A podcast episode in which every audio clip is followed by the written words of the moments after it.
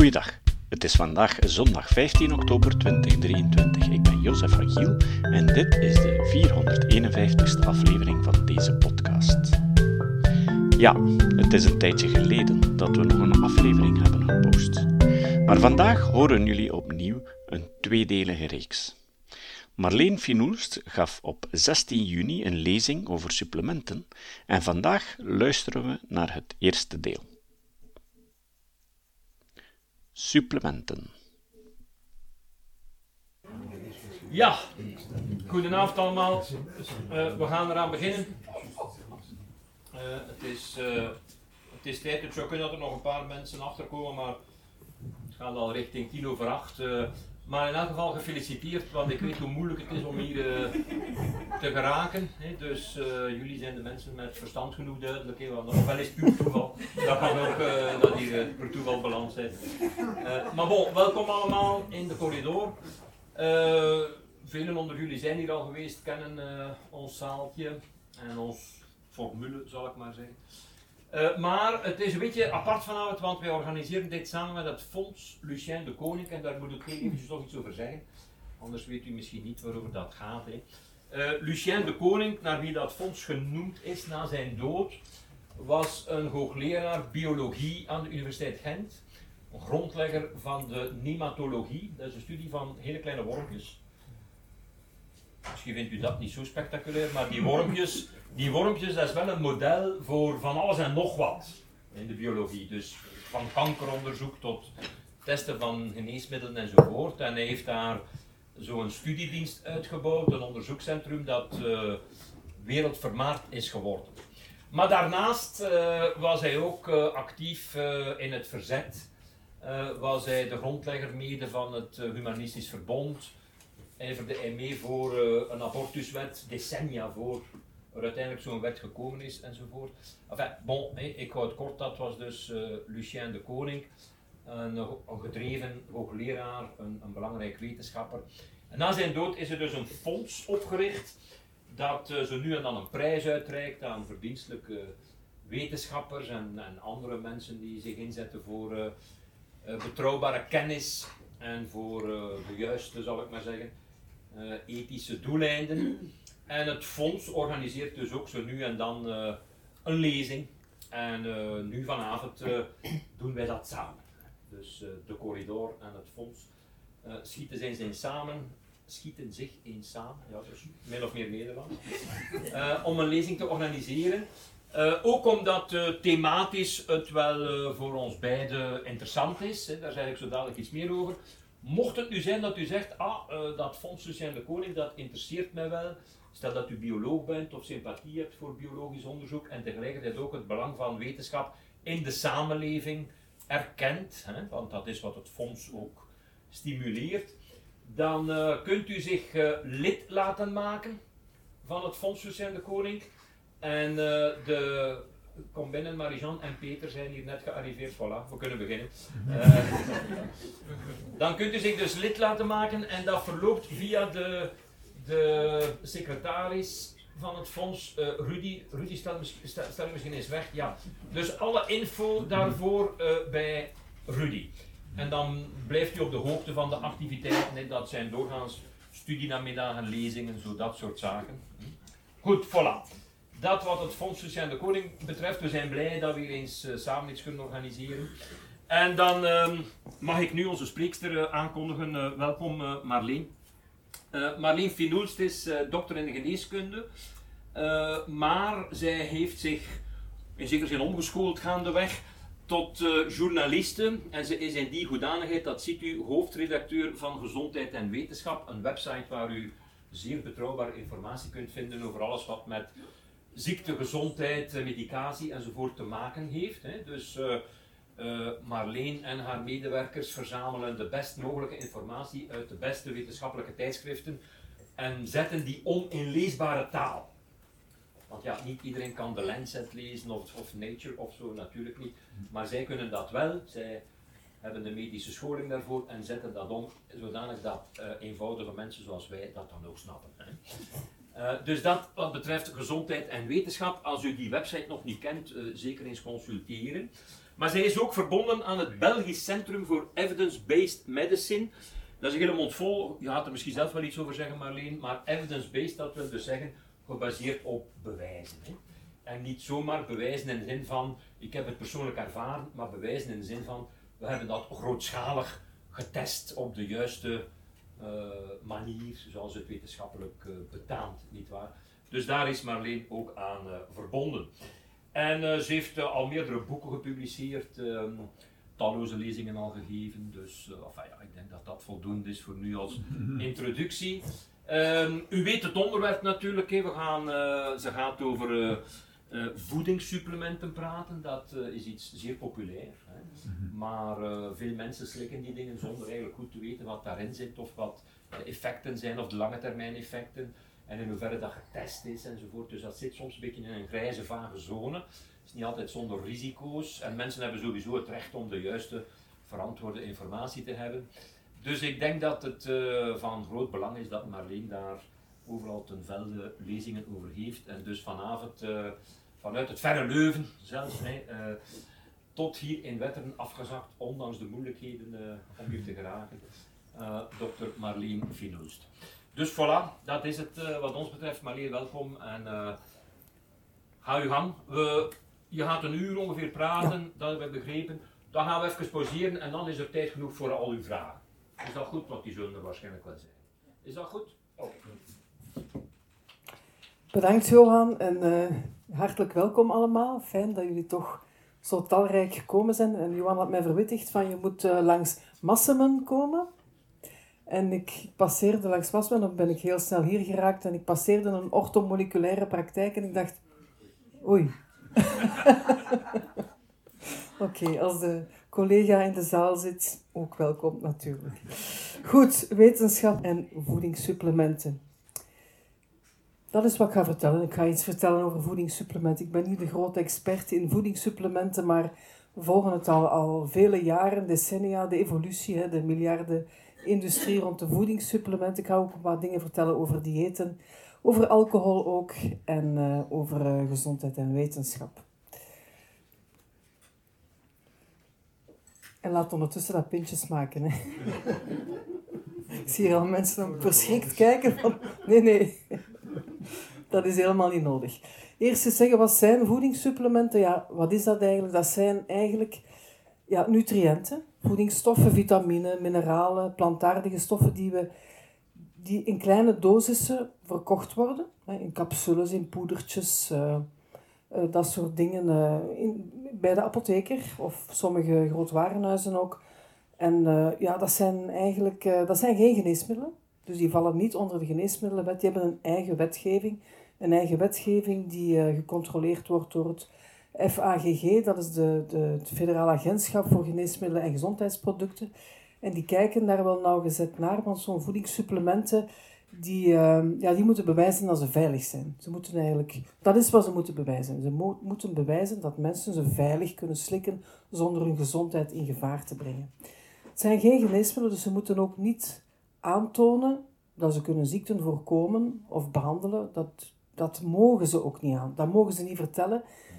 Dat is wel gezegd. bij de eerste voedingssupplementen was het... Uh, ik denk dat Kellogg's de, de, de, de deur heeft geopend naar voedingssupplementen. De ontbijtgranen Kellogg's. En dat ging dan over... Uh, Kellogg's vond van uh, onze ontbijtgranen kunnen darmkanker voorkomen.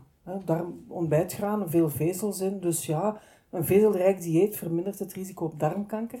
Ze zijn, en dan kwamen er ook vezelproducten, die dat ook, vezelsupplementen die dat ook beweerden. En dan zijn, die op de, zijn ze op de vingers getikt van, dat mag niet. Je mag niet als voedingssupplement zeggen van, slik dit supplement en je hebt dan minder risico op deze of deze ziekte. Nu, de marketing uh, kan dat heel goed omzeilen. Die zeggen van, deze supplementen zijn goed voor je darmgezondheid. Dus men, men vindt daar wel trucs voor om dat anders te formuleren, waar dat, dat mensen in hun hoofd dan toch wel denken van oh, de link leggen soms wel met uh, darmgezondheid, minder darmkanker enzovoort. Dus daar is, daar is wel reglementering rond, maar marketing gaat daar, maakt, gaat, allee, is daar heel slinks in om daar goed, en dat is hun verdienste, dat is hun, uh, hun job, ze kunnen daar op een goede manier eigenlijk um, ja, omzeilen of ons het gevoel geven zonder te zeggen van uh, dit supplement is uh, goed voor, verbetert uw weerstand. Herinner die flesjes Yakult die vroeger verkocht werden. Ik denk dat ze nog, nog te koop zijn, waarbij men zei van verbetert uh, uw algemene weerstand, dat mag niet meer. Nu staat daarop goed in de winter of zo. Zoiets wat helemaal neutraal is. Goed, dus dat zijn voedingssupplementen. En dat is een, een miljardenbusiness. En hoe is dat zo ver gekomen? Wel, dat is eigenlijk begonnen... Eigenlijk is dat begonnen in de psychiatrie. De psychiatrie, in de jaren 50, 60, dachten psychiaters hadden geen oplossing voor schizofrenie, autisme, bipolaire stemmingstoornissen, uh, depressie. En men dacht, maar misschien hebben die mensen tekorten aan bepaalde nutriënten, bepaalde voedingsstoffen. Zink, selenium, vitamine-tekorten. Dus we gaan proberen om die psychiatrische patiënten te behandelen, of die syndromen, met, met, uh, met supplementen, met uh, ja, voedingsstoffen. En uh, voilà, da, daar is dan, ja, dat, dat is daar eigenlijk gestart. En dan was er Linus Pauling, bekende scheikundige, die dat noemde op een bepaald moment orthomolecular molecular psychiatry. Dus die, die term orthomoleculair, de juiste moleculen brengen bij de persoon, dat komt eigenlijk van Linus Pauling, die twee keer de Nobelprijs heeft gewonnen trouwens. Dus dat maakte ongelooflijk veel indruk. Hij, is, hij, heeft die term gelanceerd en die is nu, dat is zeker niet meer weg te denken. Hè. Hier zelfs in Massemen is er een praktijk orthomoleculaire therapie. En uh, ja, megadosissen vitamines tegen kanker, dat was ook iets wat, uh, wat Linus Pauling promote. Van waarom zouden we bij de psychiatrie blijven? We gaan proberen ook kanker te voorkomen en andere aandoeningen te behandelen met enorme hoge, met hoge dosissen vitamine. Geen enkel klinisch bewijs voor tot op heden. En bij ons herinneren Herman eh, Leconte misschien nog wel, onze dokter die megadosissen uh, vitamine slikte om te verjongen, om kanker te voorkomen. Maar helaas, hij, heeft geen, hij is uh, geen 80 geworden, maar hij slikte dus Hij was ook helemaal mee in die, in die theorie. En ja, deze man hier, Linus Pauling, dus ja, hij, heeft, hij heeft, uh, hij heeft dat gelanceerd. Was een, uh, een Amerikaans scheikundige en hij heeft twee keer de Nobelprijs gewonnen. Maar dat had niks te maken met die orthomoleculaire therapie. Mensen vergeten dat soms wel vandaag. Dat had te maken, was een, het was een, hij heeft in 1954 uh, de Nobelprijs gekregen voor scheikunde. Bepaalde bindingen in proteïnen kunnen uh, aantonen. En dan in 1962 nog eens voor de vrede, omdat hij zich verzetten tegen de bovengrondse kernproeven, atoomproeven. Dus daarvoor heeft hij ook, uh, daar heeft hij, was hij een belangrijke stem in. Maar daarna is hij eigenlijk pas beginnen spelen met die, ortho, met, met die, met die orthomoleculaire theorie. En dat heb je wel vaker met Nobelprijswinnaars, we hebben er zo nog gehad, die denken dan van, wauw, ik, mijn ideeën zijn baanbrekend, wereldverbeterend. Ik, en hij was ook echt is dat daar ook echt in? Kunt u daar iets bij voorstellen? Als je twee keer zo'n Nobelprijs wint, dat je dan denkt, wow, ik ben een briljante wetenschapper. En dat was hij in zijn domein zeker. Maar hij heeft zich dan begeven op de, de in de geneeskunde, het medisch eh, domein. En daar was hij toch wel wat minder, eigenlijk wat minder succesvol. Maar hij, bleef, daarin volharden. Hij wou aantonen van, ik kan... En hij heeft ook een aantal belangrijke studies gedaan. Daarvoor zal ik zelfs tonen. Hij heeft wel uh, wat iets wel wat aangetoond daarin. Maar, en hij is ook trouwens niet de enige Nobelprijswinnaar die in de mist ging nadat hij de Nobelprijs gewonnen had. We hebben ook een, uh, een Nederlander, ik had, het is uh, Tibergen, in 1973. Een Nederlander, een fysioloog, wint de Nobelprijs iets over een onderwerp over gedrag bij dieren. En hij heeft daarna studies gedaan over autisme bij kinderen en de relatie met de moeder. En van hem komt het concept diepvriesmoeder. Dus moeders die afstandelijk zijn en daardoor kinderen hebben met autisme. Dus, dus dat culpabiliserende van uh, een kind met autisme en men kijkt naar de moeder van, oh, dat is een afstandelijke, kille moeder, dus dat is die oorzaak van autisme. Dat komt ook van een Nobelprijswinnaar die ja, eigenlijk uh, ja, de mist inging na zijn uh, Nobelprijs. Er zijn er nog geweest, een cardioloog, een, eh, nee, ook een scheikundige, Italiaan, waar de naam mij nu van ontsnapt. Misschien heb ik hem wel opgeschreven. Ja, Luis Ignaro, Nobelprijs Geneeskunde in, uh, in 98, 1998. die iets voor, rond een mechanisme rond hartziekten en ook daarna zei van ik heb hier een supplement gevonden om hartziekten te voorkomen. Dat dacht van oké, dit is nu wel oké. Niet zoals het hoort. Dus van uh, Linus Pauling en na hem zijn enorm veel studies geweest over megadosissen vitamine C om kanker te voorkomen. Hij was daarvan overtuigd, hij was daarvan doordrongen dat hij zou aantonen dat je met hoge dosis vitamine C, wat onze Herman Leconte ook geprobeerd heeft, kanker kon voorkomen.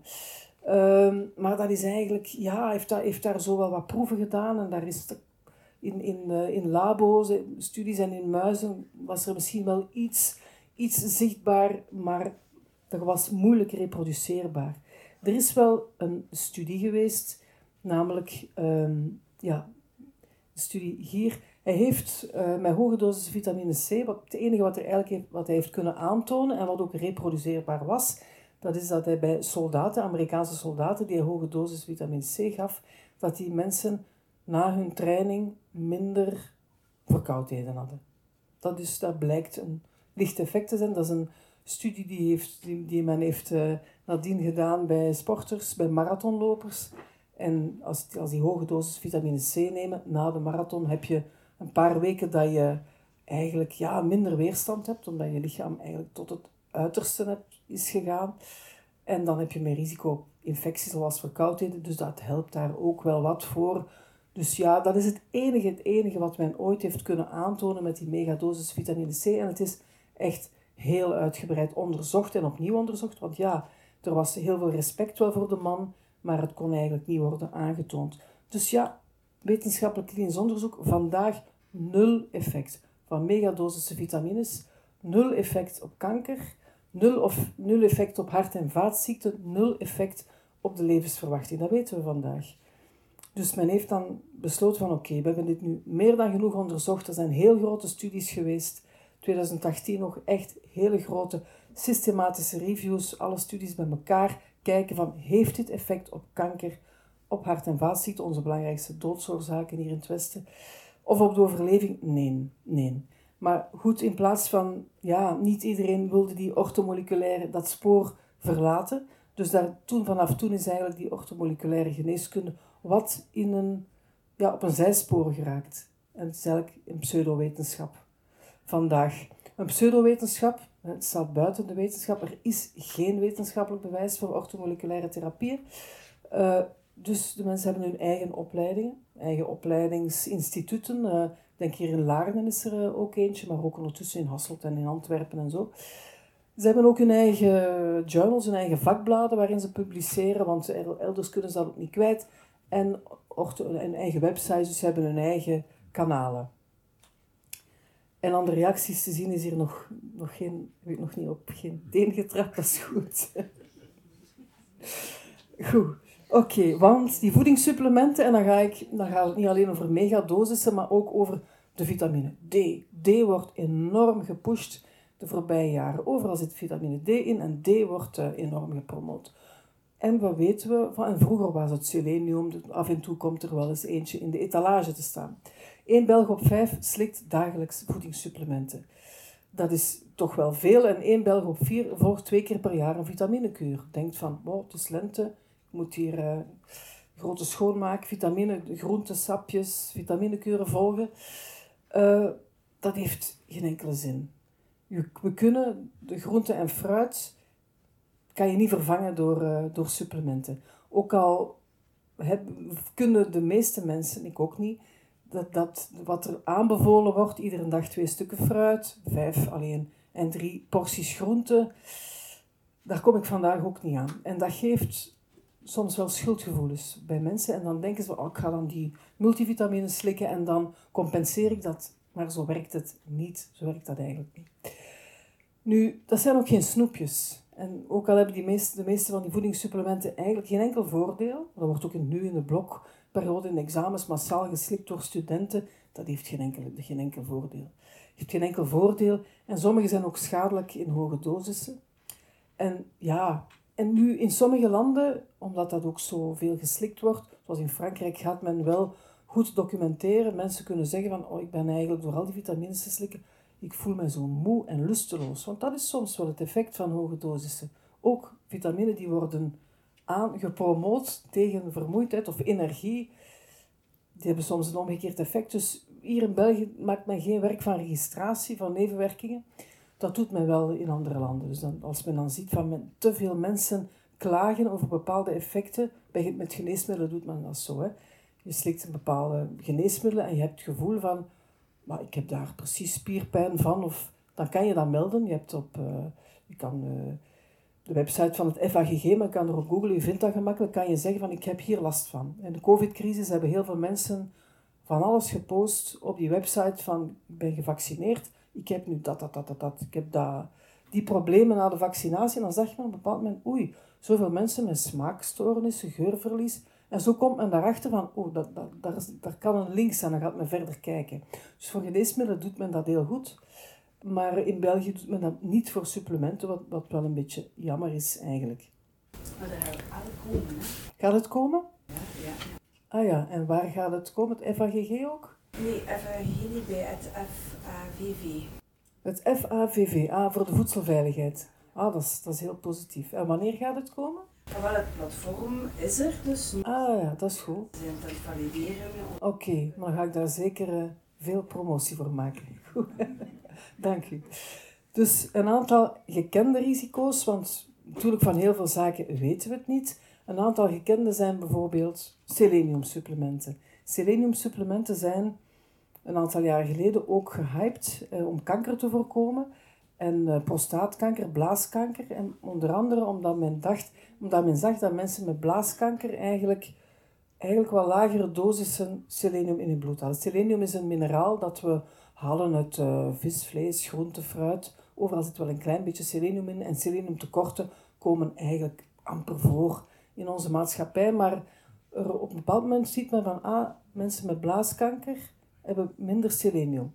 Toevallig of niet, dat is een, uh, daar is een verband. Dus werd het ineens daar uh, voor een gezonde blaas slik selenium. En dan bleek dat dat eigenlijk een omgekeerd effect had. Dat mensen die, die dan die seleniumsupplementen slikten, meer risico hadden op herval van hun blaaskanker. Dus soms is iets wat in de, natuurlijk voorkomt in groenten en fruit ook niet altijd hetzelfde, dezelfde moleculen dan wat je vindt in een supplement. Dus dat is ook een andere dosering, uh, dat is niet altijd hetzelfde.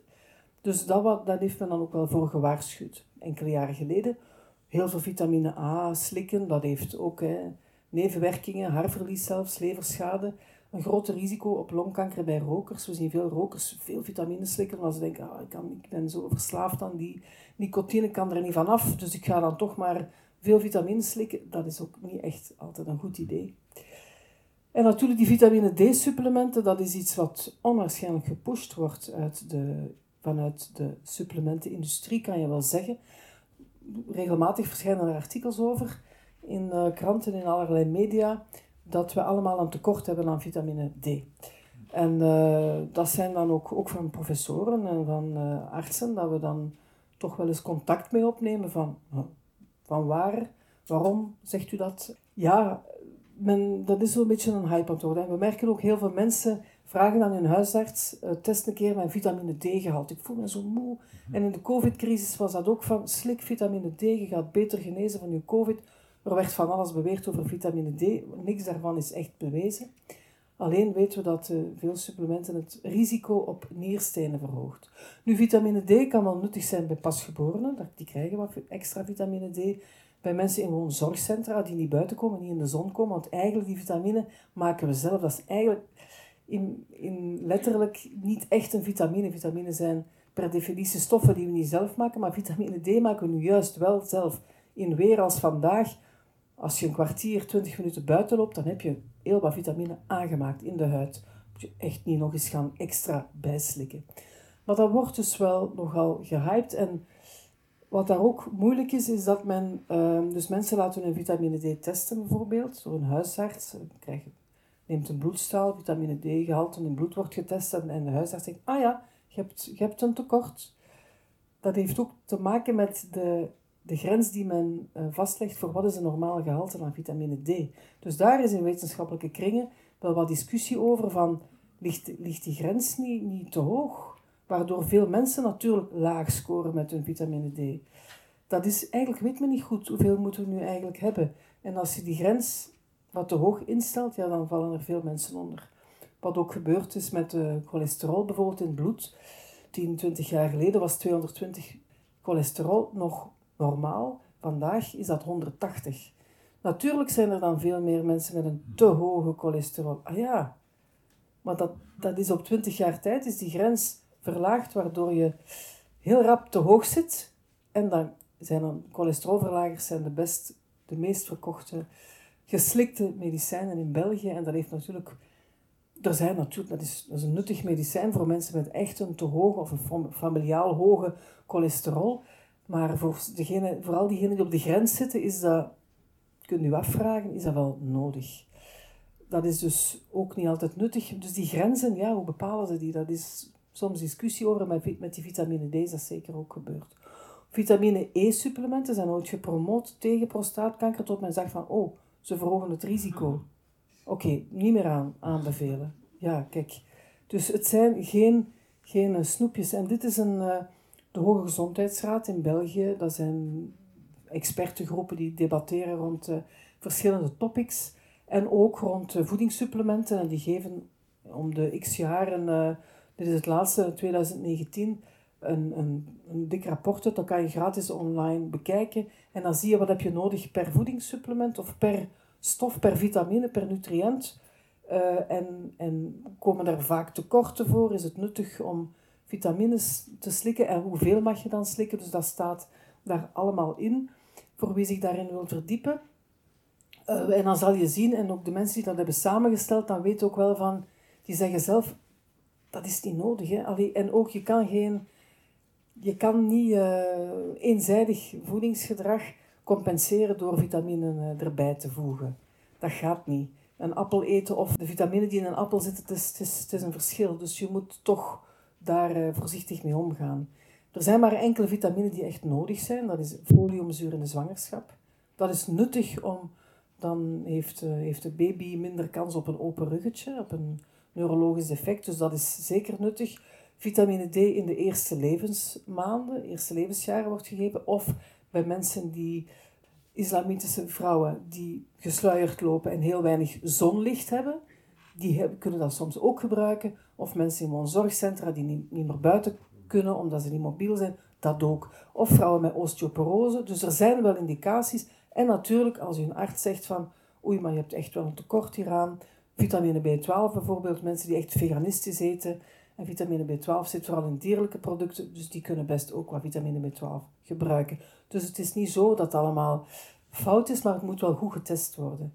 Met dan de kanttekening, let op met vitamine D, je moet daar niet in mee surfen. Daar wordt vandaag veel te veel getest eigenlijk.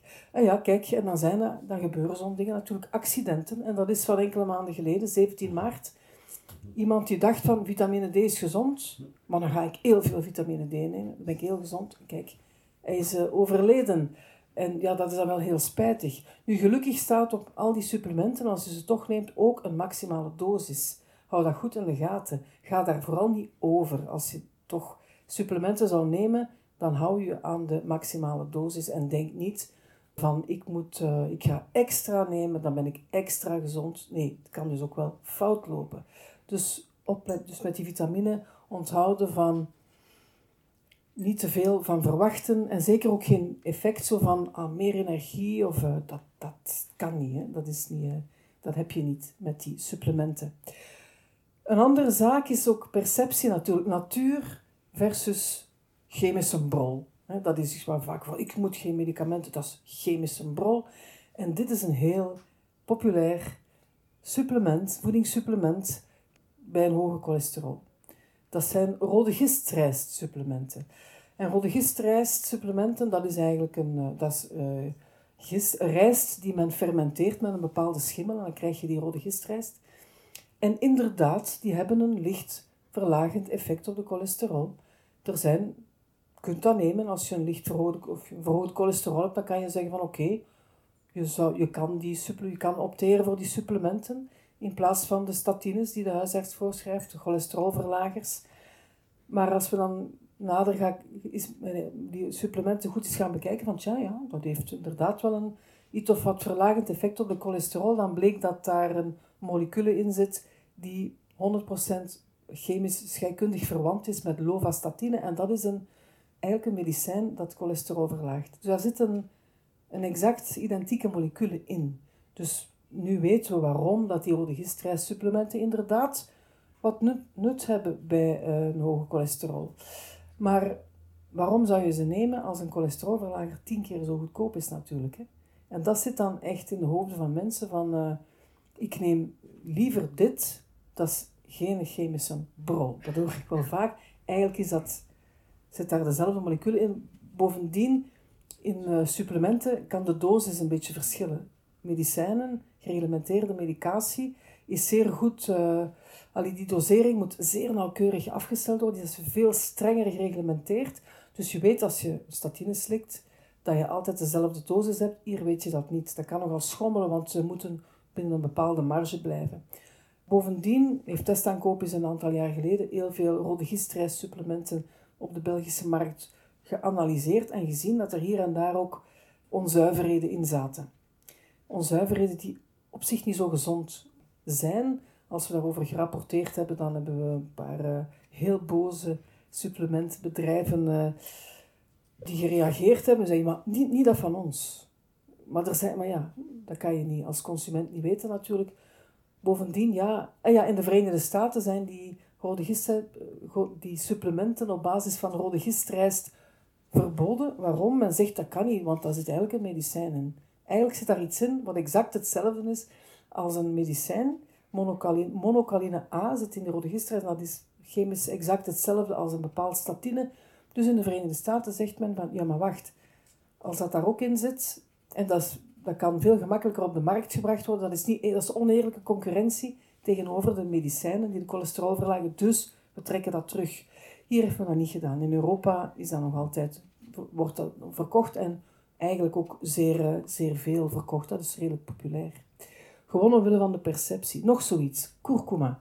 Kurkuma is ook een redelijke hype en heeft ook wel wat gunstige effecten. Er zijn studies over dat kurkuma gewrichtsklachten vermindert. Gewrichtspijn. Het heeft wat effect, maar je moet daar wel drie tot zes van die dikke capsules voor willen slikken. Maar goed, je hebt dan een supplement dat je neemt en geen pijnstiller. Dus er zijn mensen die zeggen van, ik wil geen bruffen of fota, ik wil, ik wil uh, iets natuurlijk. En dan, ja, dan zijn dat vaak voor gewrichtsklachten kurkuma supplementen. Uh, die worden ook zo in de markt gezet, maar ze worden ook gebruikt om kanker te voorkomen. En daar is een, een probleem met borstkanker. Want wat, zien we? Vrouwen die borstkanker hebben gehad, een hormoongevoelige borstkanker, die krijgen na de behandeling voor hun borstkanker nog gedurende vijf jaar meestal antihormonen, antihormoontherapie, tamoxifen, eh, die, die, gedurende vijf jaar om herval te voorkomen. Maar die tamoxifen, dus die aanverwante die hormoon, antihormoontherapie naar borstkanker, geeft vaak gewrichtsklachten. Geeft gewrichtsklachten en die vrouwen zeggen, ik wil geen, uh, nog een medicament erbij om de nevenwerkingen van een ander medicament dat ik al moet nemen te onderdrukken. Geef me maar iets natuurlijk. Dus veel vrouwen gaan dan kurkuma-supplementen nemen. En dan is er aan de Universiteit in Rotterdam is er iemand die, die heel specifiek bezighoudt met effecten van, uh, van supplementen en interacties met medicijnen. Want wat, wat, is, wat, is, wat is er hier vastgesteld? Die vrouwen die die hormoontherapie nemen na hun borstkanker, de vijf jaar na hun behandeling, die daarbij kurkuma-supplementen nemen omdat ze gewrichtsklachten hebben, dat die behandeling met die, van die hormoontherapie dat die minder, iets minder efficiënt is. Heel vervelend, dus dat is een interactie. Dus wat hebben ze gedaan vanuit het Kankerinstituut in Rotterdam? En heeft alle vrouwen aangeschreven van neemt u kurkuma-supplementen wegens gewrichtsklachten. Je kan daar beter mee stoppen, want je riskeert dat jouw behandeling minder goed werkt ja, hormoontherapie. Daar zijn heel veel boze reacties op gekomen. Vrouwen vonden van, en er waren er heel veel, ik denk rond de 90%, die dat namen. En ze waren daar wel boos over. Ze dat kan want dit is een natuurproduct. Maar ook natuurproducten kunnen interageren, kunnen in interactie gaan met medicijnen die je neemt. Daarom dan moet je ook altijd goed mee opletten als je medicatie neemt. Dat je ziet, dan moet je eigenlijk aan de arts zeggen van ik neem ook nog gembersupplementen of ik neem kurkuma. Zeg het gewoon. Dan kan men opzoeken van, is dat, kan, dat, kan dat samen gaan? Gaat dat elkaar niet tegenwerken? Nog eentje die het heel goed doet tegen kanker, dat is ongelooflijk. En gember, dat is ook super populair. Er zijn Facebookgroepen over. Gember, gember, gember. De farma-industrie verzwijgt. Gember, gember, gember. Dat is echt de manier. Ik vind het wel lekker, gember. Ik heb, uh... Maar gember is goed. Ze heeft ook een gunstige eigenschappen, namelijk voor tegen misselijkheid. Dat werkt redelijk. Dat, werkt. dat heeft effect bij misselijkheid. En dat, heeft, dat is dus wel nuttig. En het wordt nogal eens ingezet ook bij mensen die chemotherapie krijgen voor kanker, die misselijk worden door die chemo. Zegt men neem gembersupplementen, dat werkt ook wel wat. Maar het is dus niet zo dat het kanker voorkomt. Dat is ook weer iets wat uh, gepusht wordt en daar waar we mee moeten opletten. Nu, als je wil weten, en voor kanker, de Stichting tegen Kanker heeft een wegwijzer voedingssupplementen. We zijn die op dit moment aan het updaten met gezond met, uh, vanuit CEBAM. En wat je daarin kan zoeken, je kan daar intikken van ik neem een bepaald supplement, bijvoorbeeld valeriaan. Wordt nogal eens gebruikt, druppeltjes om te slapen. Werkt wel wat, valeriaan. En dan kan je kijken, als je, als je natuurlijk in een behandeling bent voor kanker, dan staat daarop van opletten als je die en die en die en die medicatie neemt, dan geen valeriaan. Dus dat, dat is wel tof dat daar ehm, meer en meer aandacht voor komt. Dat mensen die denken dat kan altijd, dat is altijd oké. Nee dus. Hè. En dat gaat daar ook staan verschillende theetjes, van groene thee tot... Uh, allee, de meest populaire supplementen kan je daarop vinden. En dan kan je kijken, interfereert het niet met een bepaalde uh, therapie? Dat is nuttig. Dus hou, onthoud vooral voor de supplementen van... Het kan wel werking hebben, goed. Maar als je nog een behandeling volgt voor een ander probleem dan toch altijd melden en kijken van gaan die medicatie elkaar niet tegen, gaat dat elkaar niet tegenwerken. Tot zover de supplementen. Ik ga ook nog wat vertellen over diëten, want dat is natuurlijk ook heel populair. En dan Het citaat. Het citaat van vandaag komt van Etienne Vermeers. Vermeers zei: Als alles een oorzaak moet hebben, geldt dit uiteraard ook voor God. Als God op zichzelf kan bestaan, waarom dan de wereld niet? Tot de volgende keer. Dit was de podcast Kritisch Denken. Vergeet niet om alles kritisch te behandelen, ook deze podcast. Voor verdere informatie over deze podcast, links en voor de tekst, surf naar www.kritischdenken.info. Als je deze podcast belangrijk vindt, kun je me steunen door anderen warm te maken ook eens te luisteren. Stuur een e-mail naar vrienden met een link naar de website en plaats de link in de handtekening van je e-mails. Tevens kun je op iTunes deze podcast een beoordeling geven of een recensie schrijven. Of je kan op je eigen website of blog een link naar kritisch denken plaatsen.